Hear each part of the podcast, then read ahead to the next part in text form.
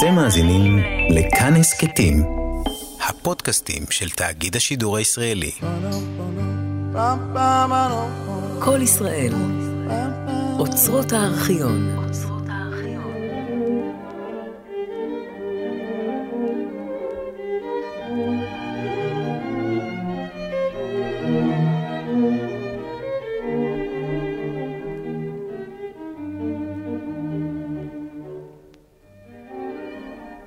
יוהנס ברמס, דיוקנו של יוצר. סדרת תוכניות בעריכת עדה ברוצקי. והפעם ציר המבורג וינה. ברמס יצחק נוי. מספרת איריס לביא.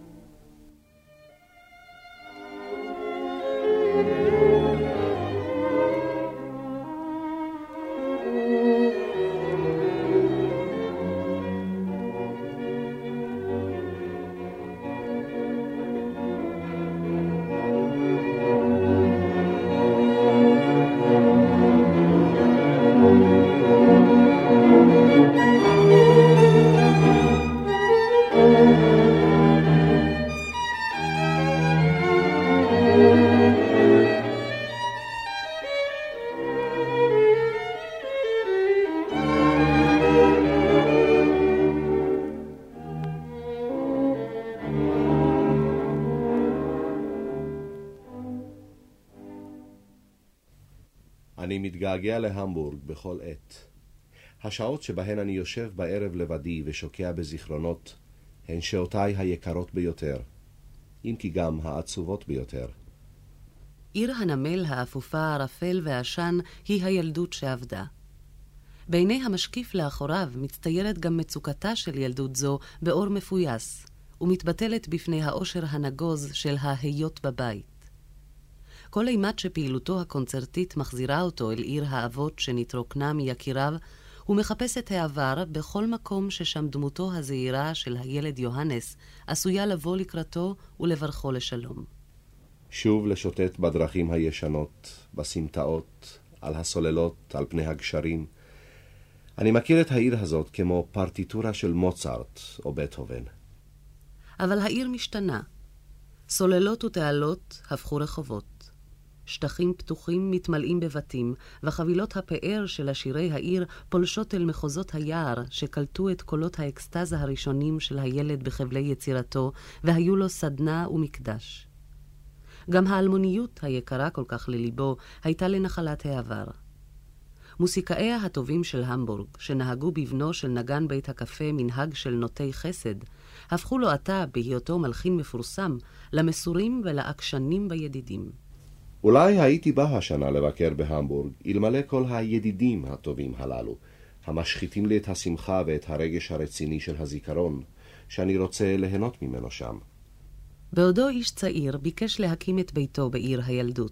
על אף הקרתנות בצרות האופקים בנופה המוסיקלי, ועל אף ההסתייגות מפני אומן שעיקר המוניטין שלו בנגינת מוסיקה לריקודים. מאמציו להפריך מוניטין זה ולהשתלב בממסד המוסיקלי של עירו עומדים בסתירה מוזרה לגאוותו במוצאו הצנוע ולרתיעתו מפני כל התקשרות הכרוכה בוויתור על חירותו האישית. מהו הרקע לסתירה זו לא קשה לנחש. התשוקה לפצות את אביו על חיים של מצוקה והשפלה, לרוממו ממעמדו הנחות ולמלאו גאווה על הישגי בנו, מצלה על כל השאיפות ועל כל המאוויים. את ייחוד בנו בתחום היצירה אין האב מסוגל להבין. אך להיות אביו של קפלמייסטר ברמס, הרי זה דבר אחר לגמרי. להיכנס אל אולם הקונצרטים שעון על זרועו של בנו המנצח, לשבת במקום הכבוד כשעיני כל הקהל עליו, ובהפסקה לאסוף מחמאות ולחיצות ידיים ולנענע ראשו בשוויון נפש מעושה. נכון, היה לו רע. בחור טוב, הנס שלי, אין מה לדבר. אוי לחלומות באספמיה. יכול אדם להיות יוצרן של סימפוניות מרקיעות שחקים, ואל כהונת הקפלמייסטר בעיר מולדתו יישא את עיניו לשווא. אך עוד חזון למועד. לפי שעה אף הראשונה בין סימפוניות העתיד אינה אלא שרטוט מקוטע. במקומה, ברתיעה מצטנעת בפני האתגר היומרני, נולדת הסרנדה הראשונה באווירה החצרנית של נסיכות דטמולד, ששם ההמבורגאי הצעיר מועסק במשך שלושה סתווים, כמנצח, סולן ומורה לפסנתר מטעם. לתושבי המבורג מזדמן להתוודע אל הישגו של בן עירם בקונצרט צימפוני תחת שרביטו של יואכים, שנסוך עליו מאורו של חזון אחרית הימים. אמא, האח והאחות במושבי הכבוד, שמפניה ופונש ביצים במסיבה שאחרי הקונצרט, ובעיקר אבא יעקב, בעל הקשרים המיוחדים עם המלחין והמנצח, מרומם מעם על הבימה בין נגני הקונטרבס בתזמורת. המלחין בן ה-26, מראהו כשל נער, מופקד על ניהול החזרות. ותיקי התזמורת נזכרים בהנאה כיצד נאלץ להפסיק את הנגינה מחמת משגה בקבוצת הבסים, וגילה מסמיק עד שורשי שערותיו שהפושע הנזוף אינו אלא אביו היקר בכבודו ובעצמו.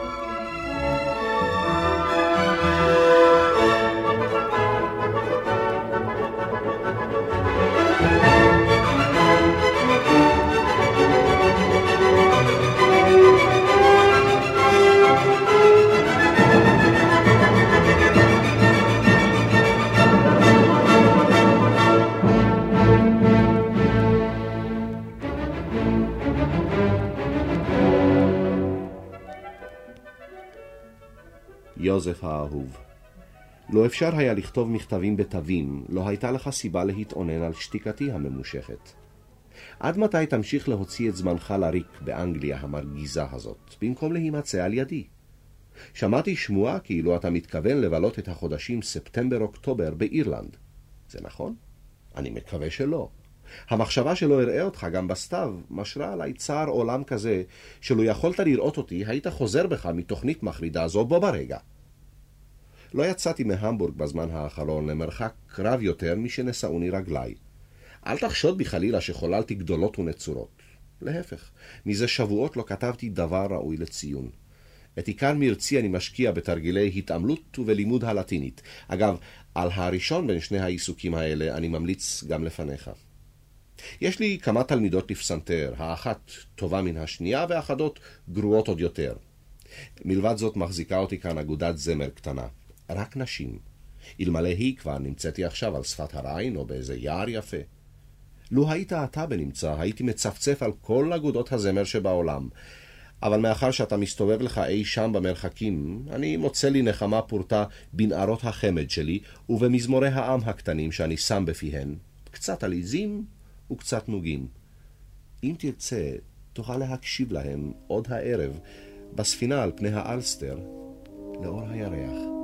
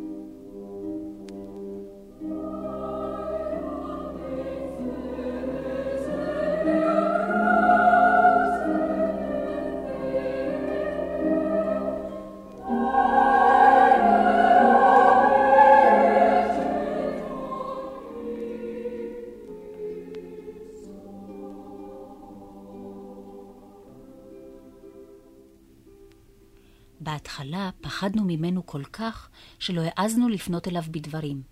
אבל אחר כך גילינו שדווקא נעים מאוד לשוחח איתו, יש לו חוש הומור מצוין, למרות שההלצות שלו לפעמים קצת חדות. אבל זה רק מן השפה ולחוץ. קשה לי להבין גם מדוע מעלילים עליו שאיננו אדיב. בעיניי הוא סמל האדיבות. אחרי החזרה האחרונה ביקשנו ממנו לנגן לנו משהו, ומיד ישב לפסנתר וניגן לנו שני מסר אתיודים של שומן בזה אחר זה. שני מסר, לא פחות. בעצמי ספרתי אותם.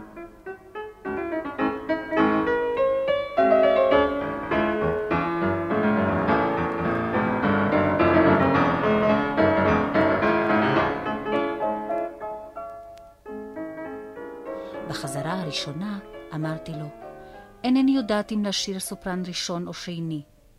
הוא אמר, ואלט ראשון לא בא בחשבון? אמרתי, לא, אלט זה הרבה יותר מדי קשה בשבילי. והוא צחק ואמר, לו הייתי נותן לכל הגברות לרוץ לאן שהן רוצות, היו כולן רצות לסופרן השני. זה הקול האהוד ביותר. אמרתי, אולי מפני שזה ההיקף הכי מקובל? הוא אמר, קלט למטרה. פרידשן החזירה לנו את כל התשלומים שאספה מאיתנו. הוא מסרב לקחת מאיתנו כסף. הוא אומר שאם יקבל מאיתנו תשלום, זה יקלקל לו את כל ההנאה. והרי יודעים עליו שהוא עני מאוד, הוא מתפרנס בדוחק ממתן שיעורים. בטי אומרת שהוא מסתכל על אחייניתה של מרת ברנט, הבינאית הקטנה הזאת, ברטה פורובסקי. אני בטוחה שזה לא נכון. היא די נחמדה, אבל כל כך רגילה, והרי הוא בעל טעם מעודן שכזה. אתמול ערכנו את החזרה שלנו על פני המים. נסענו בספינה עד ריינבק, ושרנו כל הדרך. כשחזרנו כבר היה לילה, ליל קיץ בהיר וחמים. התפללנו שלא נגיע הביתה אף פעם. ברמס שישע אותנו בתקנון של המקהלה, שחיבר בעצמו בגרמנית עתיקה, משובצת במילים לטיניות. הוא חתם בשם יוהנס קרייזלר יוניור, על פי הדמות מתוך ספרו של א.ת.א. הופמן. צחקנו המון. אתמול ערכנו את החזרה בכנסיית סנקט פטר לקראת ההופעה שלנו ביום ראשון. סוזנה ואני היינו הראשונות. אחר כך באה מדאם ברנט עם אחייניתה, הווינאית הקטנה. אחר כך הגיעו טוני וקמילה. אחר כך בא ברמס בחברתו של ארמברוסט. הוא שאל את קמילה אם היא מוכנה לעזור לו להפעיל את המשלבים. היא הסמיקה מרוב אושר. הוא שאל אותה, את מוכנה לנגן את הקנטוס פירמוס במוטט של גרדנר? היא אמרה, בתנאי שלא תצעק עליי אם זה לא ילך לי. הוא אמר, מה פתאום אצעק עלייך? ברמס הולך לשלושה חודשים לדטמולד, כמו בשנה שעברה. שרק יחזור. טוסנלדה אומרת שהיא בטוחה שיחזיקו אותו שם. איפה מוצאים היום כישרון כזה? למפגש הפרידה נבוא כולנו לבושות שחורים, לאות אבל. ברטה פורובסקי, הבינאית הקטנה, בחרה את מתנת הפרידה. כסת של דיו, עשוי כסף, מעוטר בעלי דפנה. היא צירפה גם מכתב קטן בשם המקהלה. אני חושבת שהייתי מנסחת את הדברים קצת אחרת. ברמס שלח למקהלה מכתב תודה על המתנה.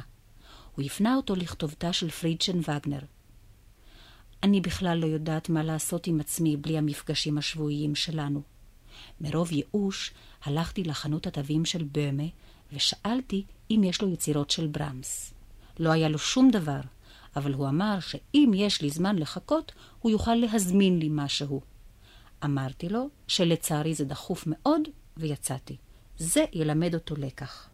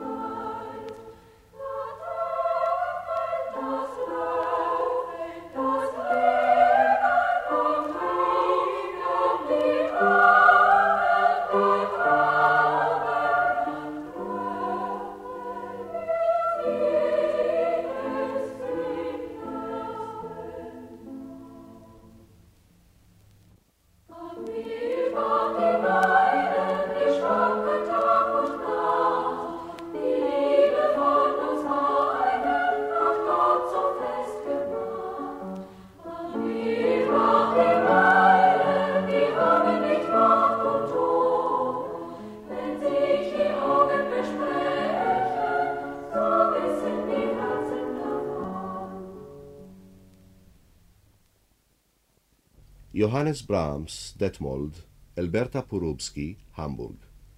ידידה יקרה, בערב האחרון הייתה לי שמחה גדולה.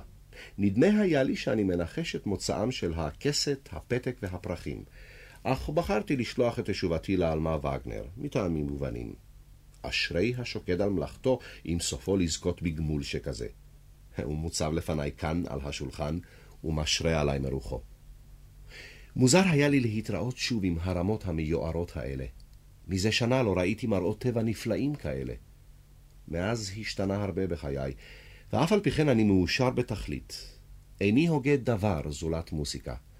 אם זה יימשך כך, אתנדף לתוך אקורד ואחלוף עם הרוח. כאן ביער תוכלי לחפש אותי תכופות בחברתך. כולי שלך, יוהנס ברמס.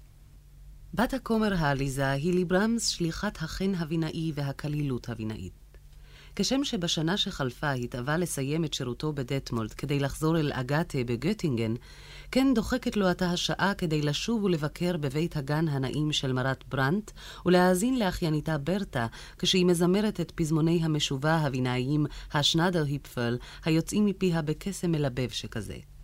חושבת את, חושבת את, סתם לשחק איתי? חושבת את, חושבת את, זה מבדר אותי. אומר אם כן, אומר אם כן, זה לא פשוט כל כך. דורכת את על פרח חן, לעד לא עוד יפרח.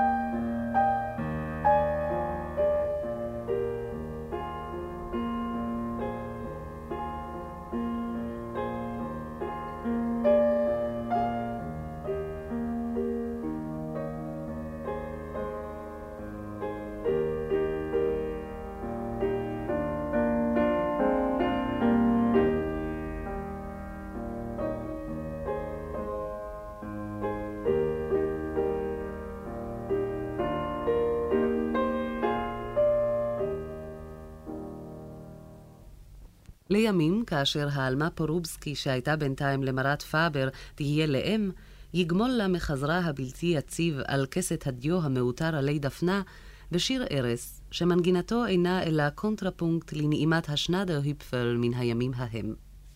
השיר מופיע אצל זימרוק עם ההקדשה לבית פ' בווינה לשימושה העליז.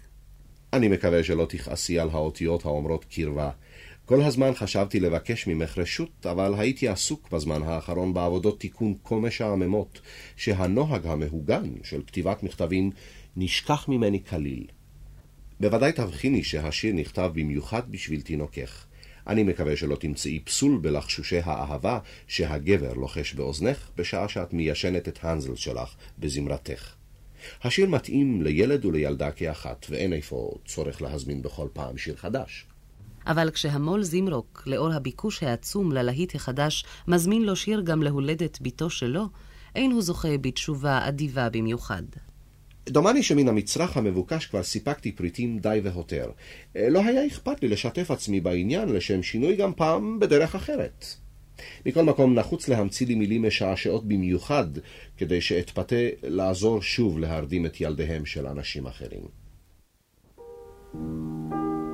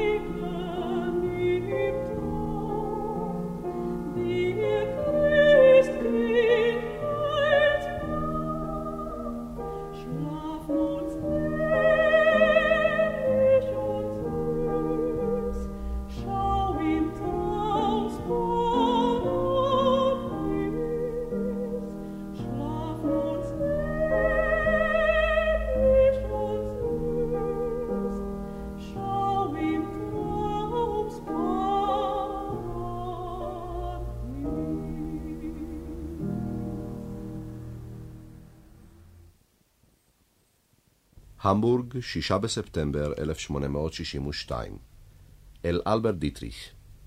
ובכן, ביום שני אני יוצא לווינה. אני שמח על כך כמו ילד. עד מתי אשאר אינני יודע. תקוותי שניפגש עוד החורף הזה. בברכת להתראות לבבית, יוהנס שלך. נסיעתו הבהולה לווינה מתרחשת בנסיבות הנראות תמוהות לא רק בעיני ידידיו, אלא אף בעיניו שלו. המוסיקאי אווה-לאלמן, מן האישים רבי ההשפעה בחבר הנאמנים של הפילהרמונית ההמבורגית, גולה את אוזניו בסימן של סודיות גמורה, שיום הולדתו ה-70 של הקפלמייסטר גרונד נקבע כיום פרישתו מכהונת המנצח. מועמדותו של ברמס נשקלת בכובד ראש. אך לאור גילו הצעיר והיעדר המוניטין שלו בעולם המוסיקה, מוטב שירחיק עצמו ממקום האירועים וידאג להקים סביבו מעט שעון באחד ממרכזי המוסיקה החשובים, כגון לונדון, וינה או פריס.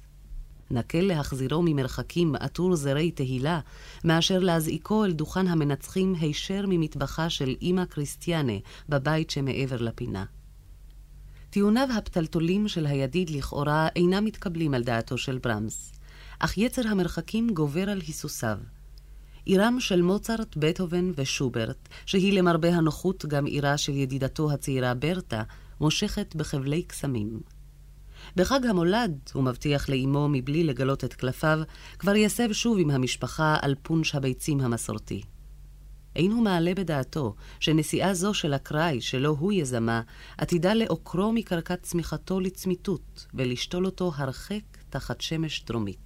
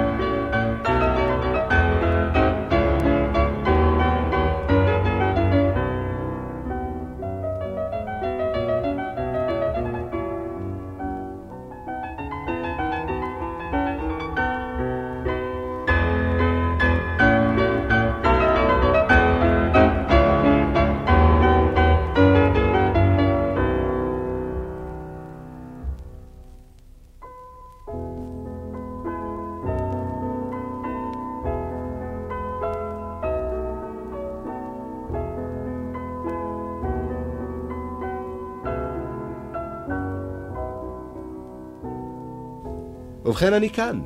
אני גר במרחק עשר פסיעות מן הפראטר, ויכול לשתות את ייני במקום שבטהובן שתה את יינו.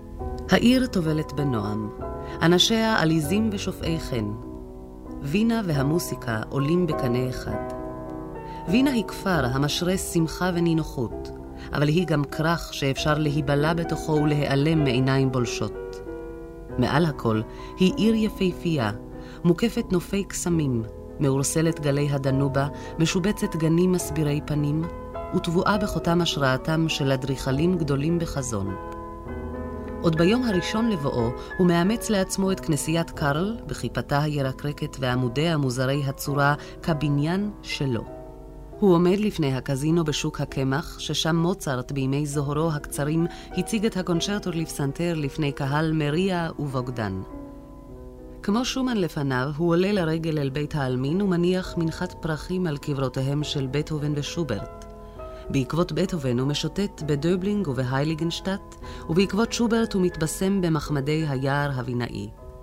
בפונדקים של נוסדורף וגרינצינג, ששם הסב קודמו עם רעיו על כד הויריגר, הוא מאזין מוקסם ללהקות הנגנים המבדרות את האורחים במיטב ניגוני העם הבינאיים.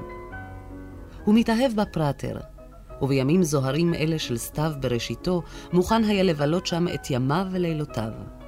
לאכול פת שחרית בקריאו, לסעוד את ארוחת הצהריים בבית השוויצי או בציפור הקרח, ללגום את קפה המנחה הסמוך לתזמורת הגברות המשובבת אוזן ועין, ולאחר בנשף בצ'רדה אצל הצוענים.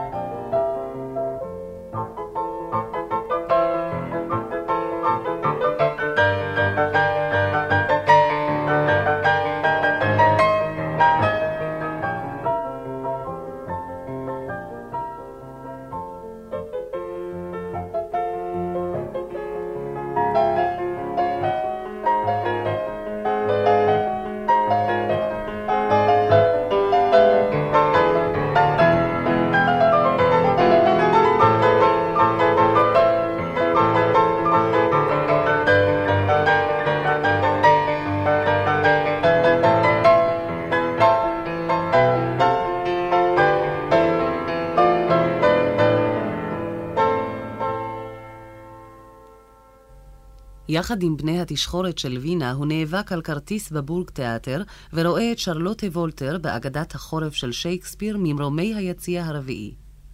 בתיאטרון קארל הוא שומע את אדלינה פאטי ואת צליה טרבלי באופרות של בליני ודוניצטי. ובאופרה הווינאית, תחת שרביטו המלהיב של הוף קפלמייסטר דסוף, את לואיזה דוסטמן בטנהויזר ובפידליו.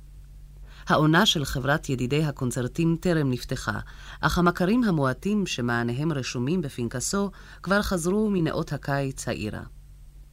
הפגישה המיוחלת עם ברטה פורובסקי גורמת לו מבוכה יותר מעונג.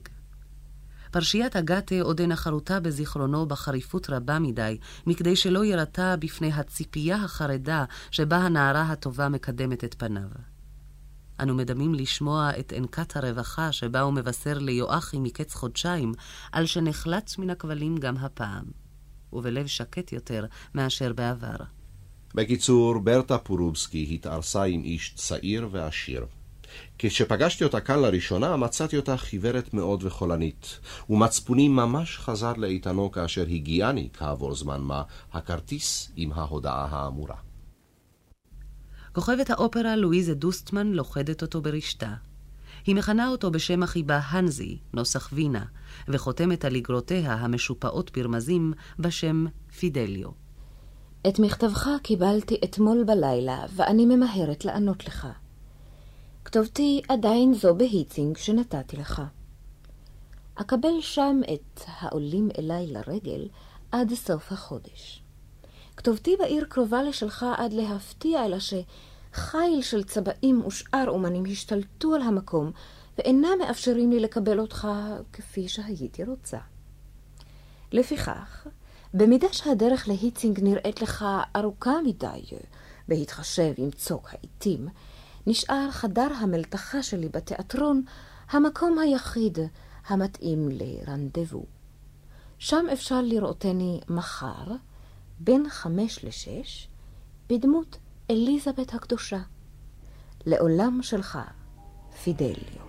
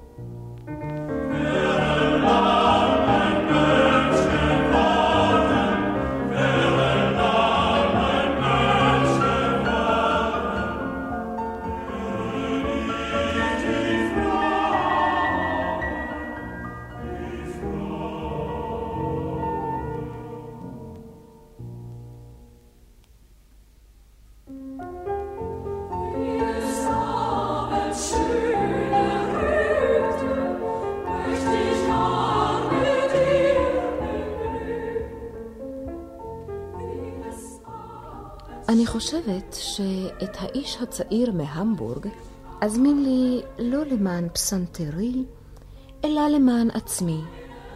הוא מכוון מעולה שכזה. אולי יצליח להצליל שוב את מטריי שכיוונם השתבש.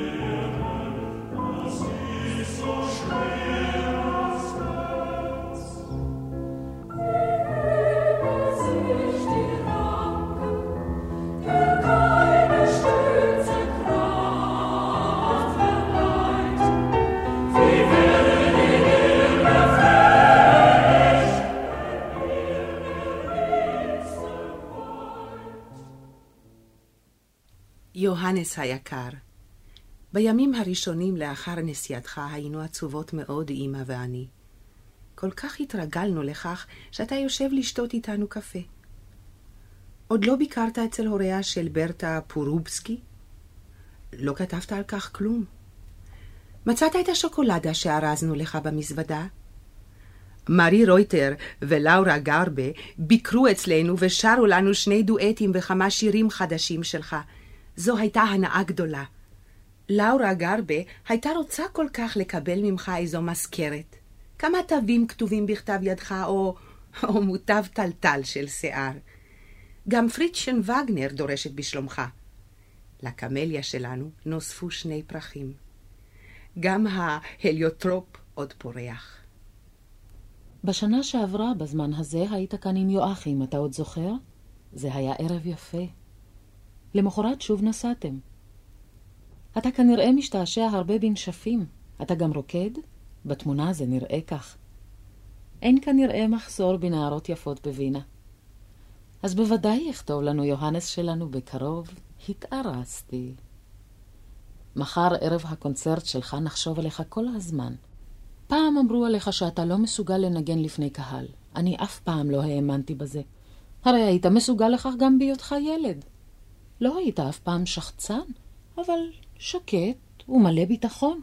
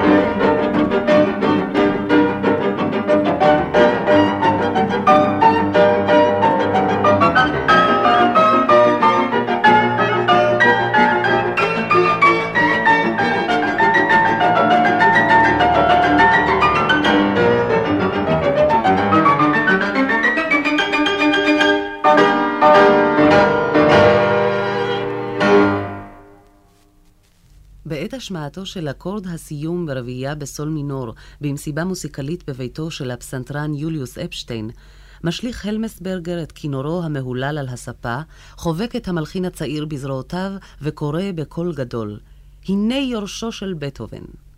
לימים, לאחר שרגשותיו כלפי ברמס יעברו תהליך של צינון, יסביר את המשגה ביין הקרואטי שלגם ממנו יתר על המידה. באשר לברמס עצמו, הרי שאינו מתרשם הרבה לא מן המחמאה ולא מן הנסיגה ממנה. מה שמרעיש אותו הוא מיקומו של המעמד.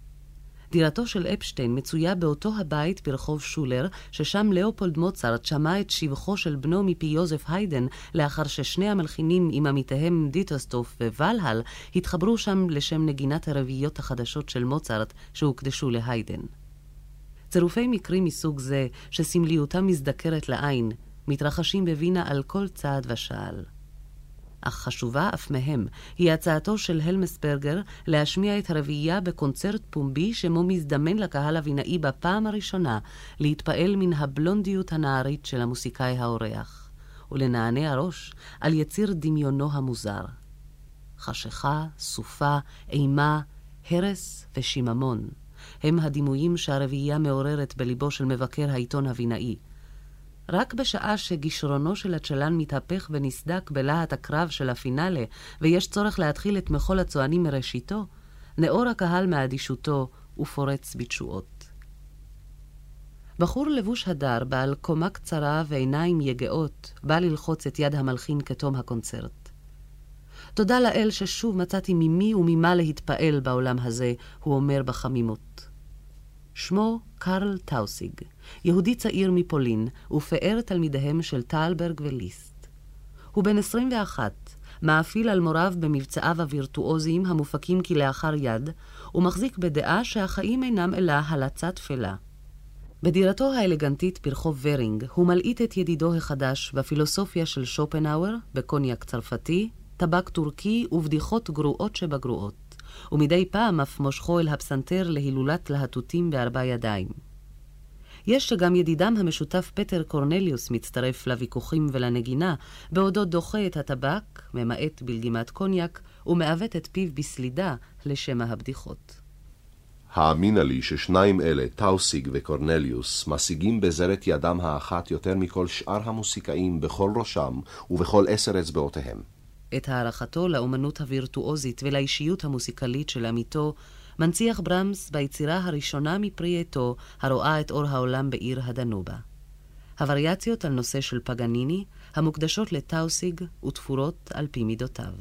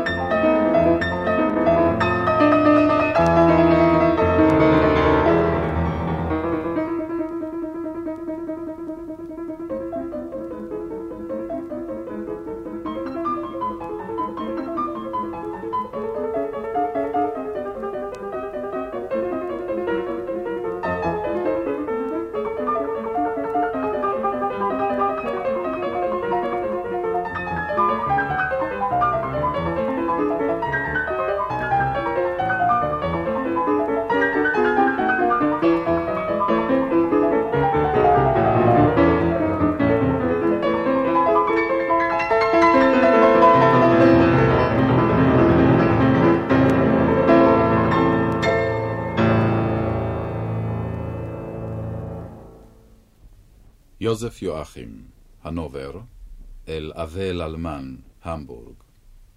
ידיד נכבד, זה עתה נודעה לי החלטתכם בדבר איוש הכהונה של מנצח התזמורת הפילהרמונית.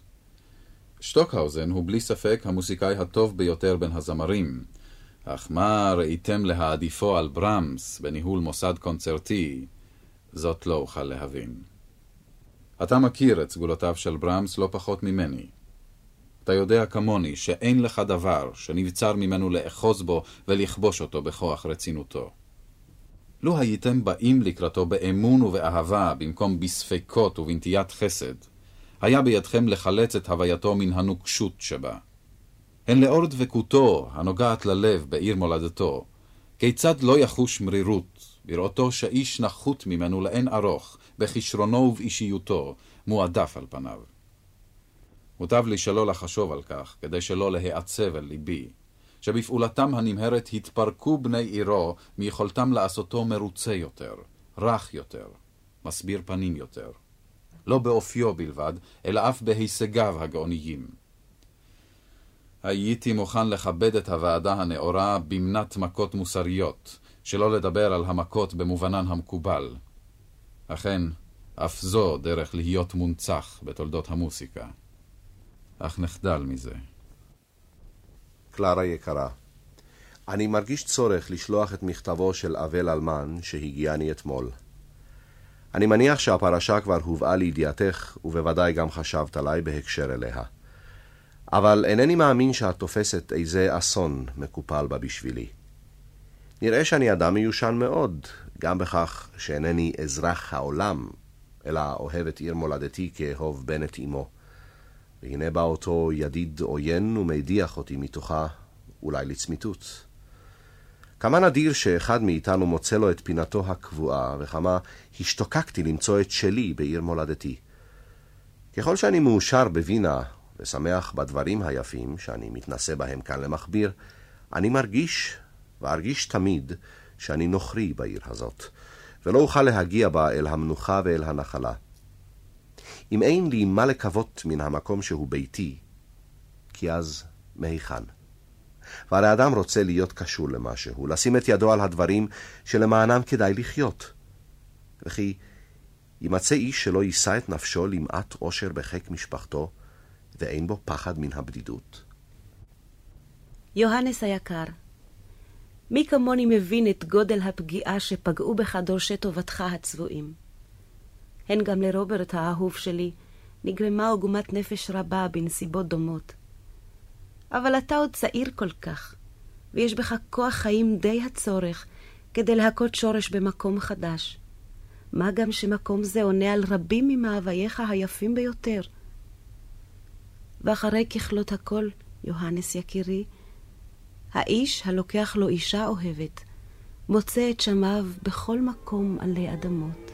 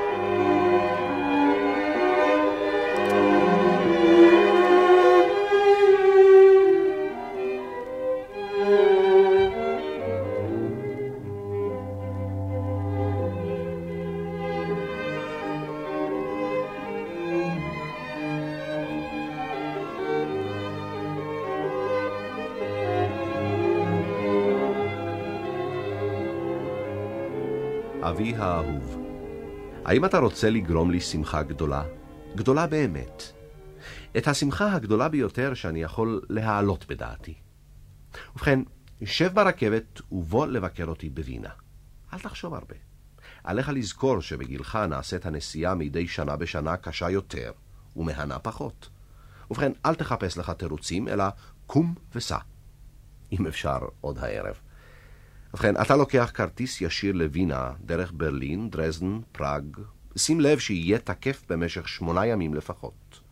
המחיר במחלקה השלישית כ-30 טלר. עם מזג האוויר נוח וקריר אתה יכול לנסוע ברציפות 32 שעות בערך, אבל אני הייתי ממליץ שתסייר קצת בערים היפות שאתה עובר בהן, אבל רק אם תתאכסן בבתי מלון טובים ותיקח לך מורי דרך בשכר. אם תחליט שלא להתעכב בברלין, אתה צריך לשכור לך מרכבה כדי לעבור מתחנת רכבת אחת לשנייה. לפני כניסת הלילה שתי כוס גרוג, כדי שתוכל לישון היטב. אל תעמיס עליך הרבה צרורות, תמצא אצלי את הכל. בעיקר אל תיקח בגדים חדשים, גם לא סיגריות, שום דבר הטעון מכס. ברכבת נסה למצוא לך מקום בפינה. בדרך מדרסטן לפראג עליך לשבת בצד שמאל, בגלל המראה המרהיב של שווייץ הסקסונית. הייתי מעדיף לבוא ולקחת אותך בעצמי, אבל זה מסובך קצת, ויקר קצת, ומה לא. ובכן, אל תהסס הרבה. עכשיו הקיץ כאן עוד יפהפה. אם תתעכב יותר מדי, תמצא את הירוק כשכולו מכוסה אבק. אל תשכח לאכול היטב בכל מקום שמזדמן לך. אני מחכה בקוצר רוח למברק המודיע לי על צאתך לדרך. אם נבצר ממנו להרשים את אביו בהישגיו בעיר המולדת, יעשה כן בעיר הבחירה. יבוא האבא ויראה בעיניו כיצד מכבדים את הנס הלא יוצלח שלו בעירם של מוצרט ובטהובן. ואם יתחמק ויתפתל וימאן להיפרד מן הנוחות הביתית במחיצת אשתו השנייה, ידע הבן ללחוץ, להתחנן ולצוות, עד שהאיש הזקן, באנחה עמוקה, ייכנע לרצונו. אישונת אהובה, אני מאושר לבשר לך שאני עליז ושמח בווינה, ורואה הרבה דברים יפים ומעניינים. ביום שני היינו בשönברון. זה הארמון ששם גר הקיסר. הגענו בדיוק בשעה שהקיסר עם פמלייתו הופיע עם הפכה הטורקי. הם עברו ממש על ידינו.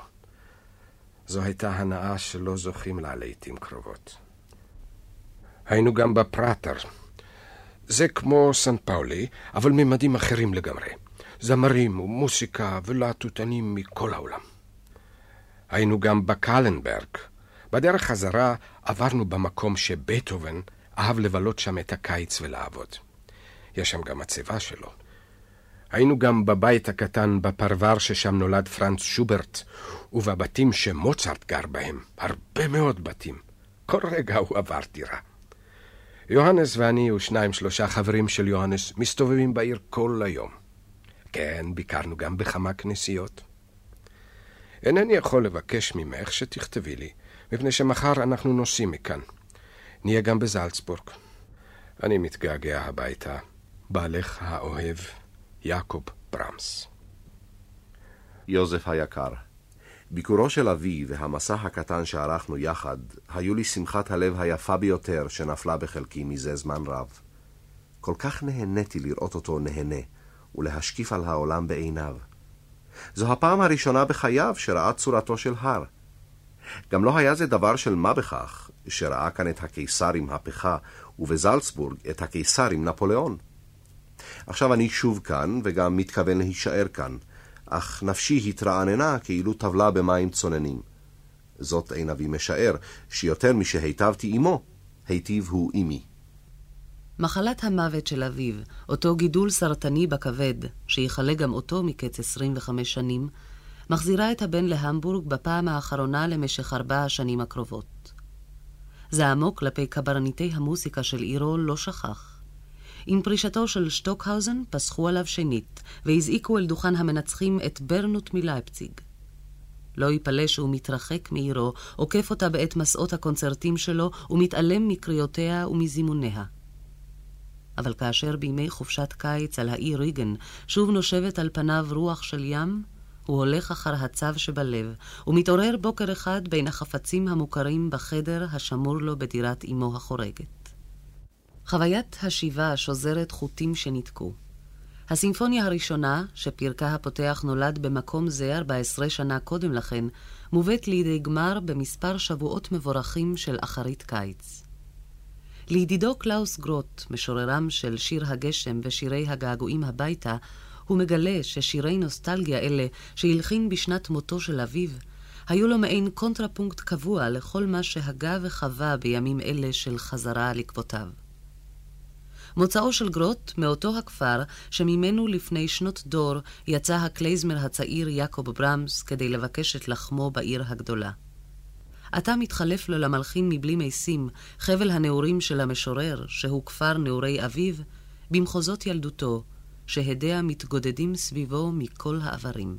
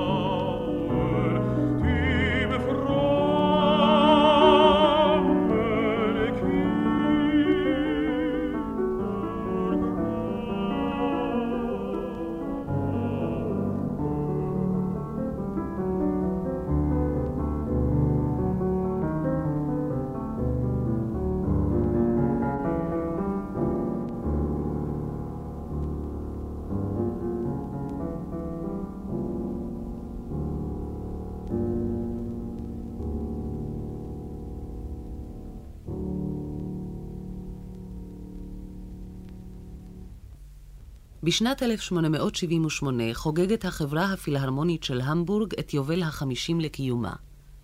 אורח הכבוד הוא יוהנס ברמס, שנאות אחרי היסוסים רבים לנצח בקונצרט החג על הסימפוניה החדשה שלו, השנייה, ברה מג'ור. בבנקט שלאחר הקונצרט נושא הנואם את דברו בשבחו של האורח. אין נביא בעירו. עד כמה מוטעה הוא פתגם זה, אנו למדים היום למראה האהבה וההערצה שהקהל הנאסף כולו מגלה ליוהנס ברמס הנכבד שלנו, בנה הגדול של העיר המבורג. ברמס, בפנים המפיקות רצינות מוות, לוחש באוזני קלאוס גרוט, שכנו לשולחן.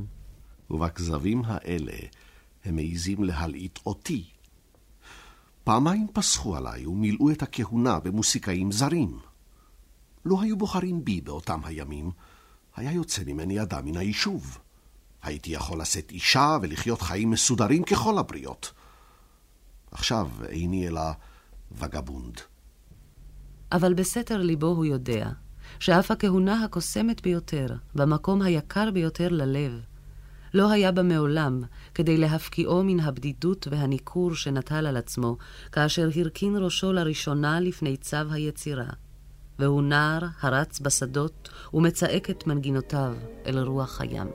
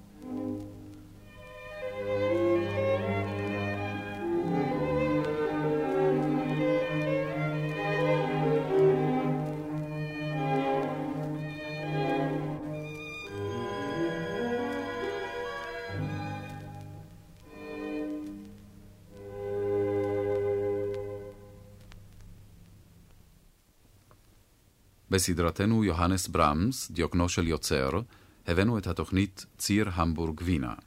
השתתפו ברמס, יצחק נוי, נערת המקהלה פרנציסקה לנץ, ליאורה גושן, הזמרת לואיזה דוסטמן, כרמל בן אפרים, האם, גליה נתיב, האב, עזרא הס, האחות נילי המאירי, יואכים, צבי סלטון, קלרה שומן, עליזה רוזן, והנואם, בני הנדל. סיפרה איריס לביא. מיצירות ברמס שמעתם בתוכנית קטעים מתוך חמישייה בסול מג'ור לכלי קשת, סרנדה מספר אחת, שירים למקהלת נשים, ולסים לפסנתר בארבע ידיים וולסים שירי אהבה, רביעיית פסנתר בסול מינור, וריאציות פגניני ושיר הגשם. צילה גרוסמאייר ושרה פוקסון הימן השמיעו שיר ארס. הביצוע הטכני היה בידי מוטי ארנון. את התוכנית ערכה עדה ברודסקי.